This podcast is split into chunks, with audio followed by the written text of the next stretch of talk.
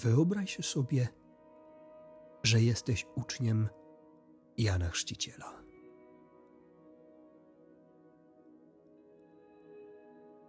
Często się z nim spotykasz i słuchasz jego nauk. Dominującym elementem jest słowo zapowiadające Mesjasza.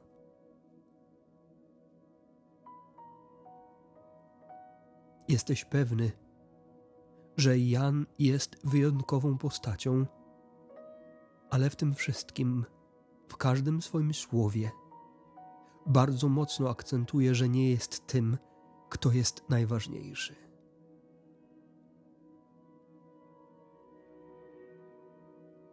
Wiele razy słyszysz słowa o tym, że Jan nie jest godzien nawet rozwiązać mu rzemyka u sandała.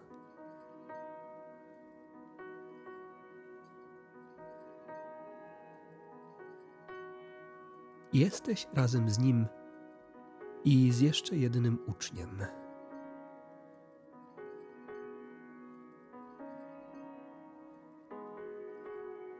Rozmawiacie o rzeczach ważnych.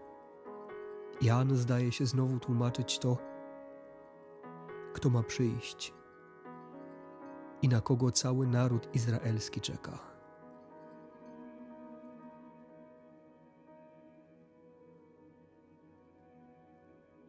W pewnym momencie zauważasz, że ktoś zbliża się w waszą stronę. Przechodzi obok, jakby niespecjalnie zwracając na was uwagę.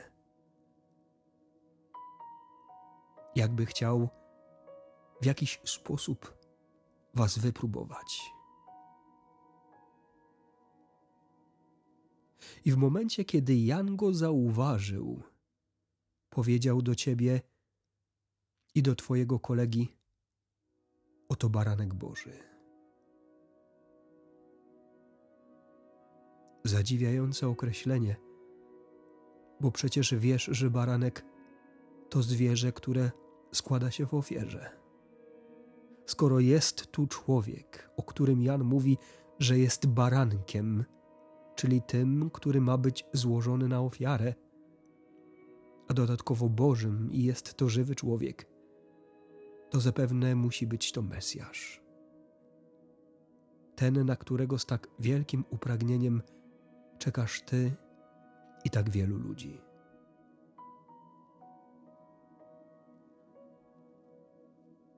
Postanawiasz razem z Twoim kolegą pójść za nim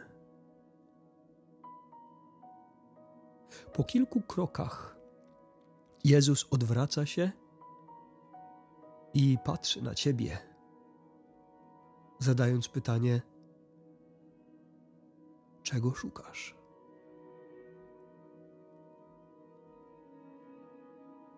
Odpowiadacie: Nauczycielu, gdzie mieszkasz?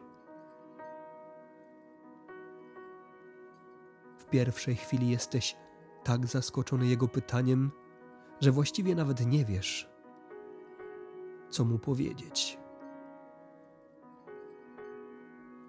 Po chwili przychodzi ci do głowy myśl, że pytanie o jego mieszkanie zdaje się rozsądnym, bo przecież zawsze będziesz mógł do niego przyjść, jeśli okazałoby się, że to jest naprawdę ten.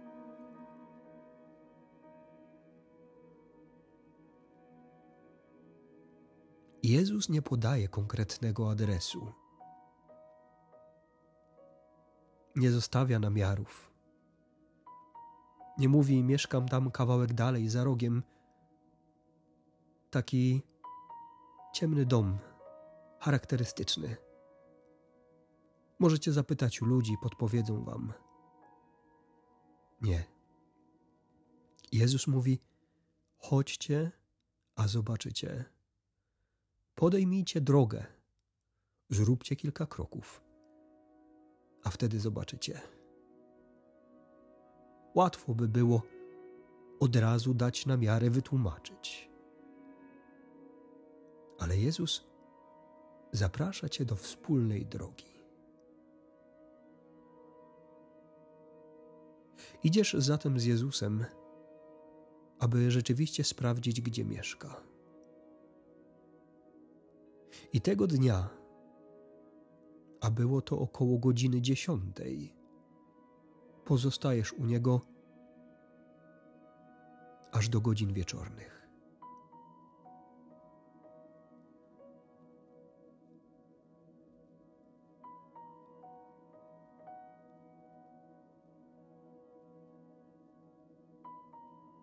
Następnego dnia spotykasz swojego brata, który tak samo jak ty oczekuje przyjścia Zbawiciela.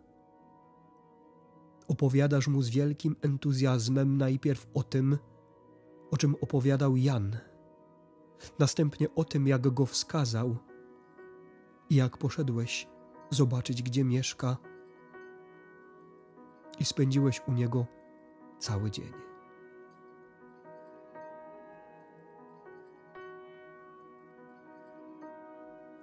Zaprowadzasz Szymona do Jezusa, bo przecież wiesz już teraz, gdzie mieszka. Wiesz, w jaki sposób do niego dojść, znasz drogę. Dlatego wierzę, że możesz do niego przyprowadzić też i innych. Jakże zadziwiające jest to, że kiedy przychodzisz do Jezusa wraz z Szymonem, okazuje się, że Jezus dobrze zna Szymona. Mówi do niego wprost: Ty jesteś Szymon, syn Jana. Ty będziesz nazywał się Kefas, to znaczy Piotr.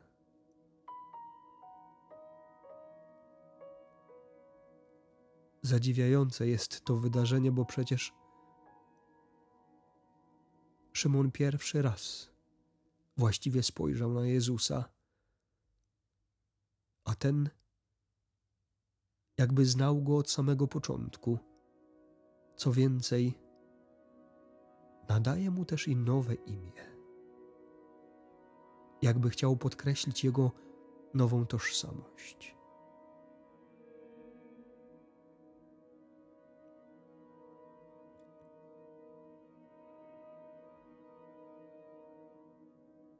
Niesamowite to spotkanie. Wiele wydarzyło się w tym krótkim czasie. Od sytuacji, w której Jan opowiadał o Mesjaszu, który ma przyjść, poprzez spotkanie go, pójście za nim, wejście do jego domu, a następnie podzielenie się tą niesamowitą wiadomością z innymi. Bo masz świadomość, że tak niesamowite doświadczenie spotkania Mesjasza nie może zamknąć cię na drugiego człowieka, a co więcej, ono otwiera cię na drugiego człowieka właśnie po to, aby mu o tym Twoim osobistym doświadczeniu spotkania opowiedzieć.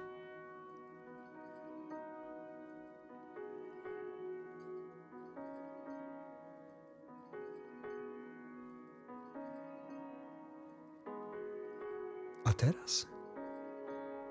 Teraz uświadom sobie, że niemal identyczna sytuacja jak ta stworzona przez tę narrację dzieje się za każdym razem, kiedy uczestniczysz w mszy świętej. Kiedy przychodzisz do kościoła po to przede wszystkim, żeby spotkać tam Jezusa. I sytuacja jest naprawdę bardzo podobna.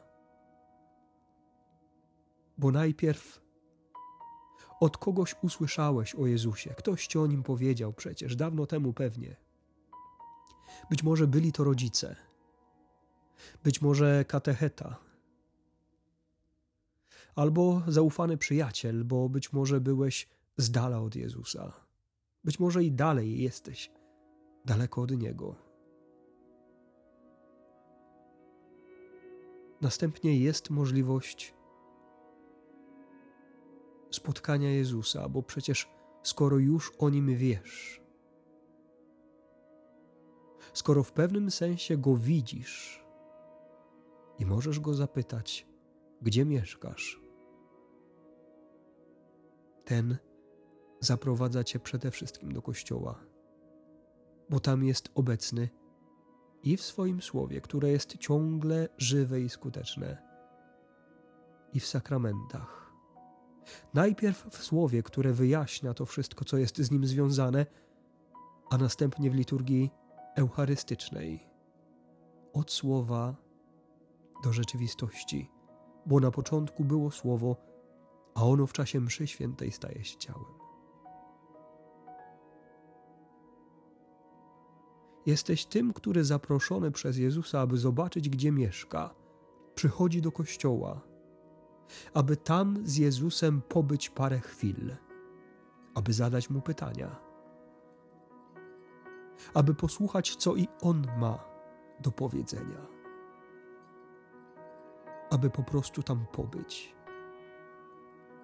Oczywiście Msza Święta jest tym najważniejszym momentem, ale przecież wiele kościołów jest otwartych w ciągu całego dnia. Warto czasami wejść, aby po prostu pobyć, zobaczyć, jak Jezus mieszka, posłuchać ciszy, która czasami mówi więcej niż tysiące wypowiedzianych na głos słów.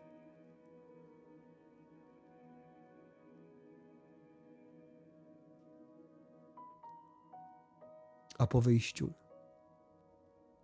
Po wyjściu wykorzystać okazję, jeśli taka się nadarzy, i rozeznasz, że jest to właściwy moment, aby opowiedzieć o Twoim spotkaniu z Jezusem temu człowiekowi, którego Bóg postawi na drodze Twojego życia. Być może podobnie tak jak w dzisiejszej Ewangelii, będzie to Twój brat, Twoja siostra być może będzie to Twój przyjaciel, ktoś dla Ciebie ważny, być może kolega w pracy, albo przypadkowo napotkana osoba, z, której, z którą jakoś uda się nawiązać kontakt, zaczynając rozmowę, przechodząc od słowa do słowa. Pan Bóg w taki sposób te rozmowy poprowadzi, bo On może.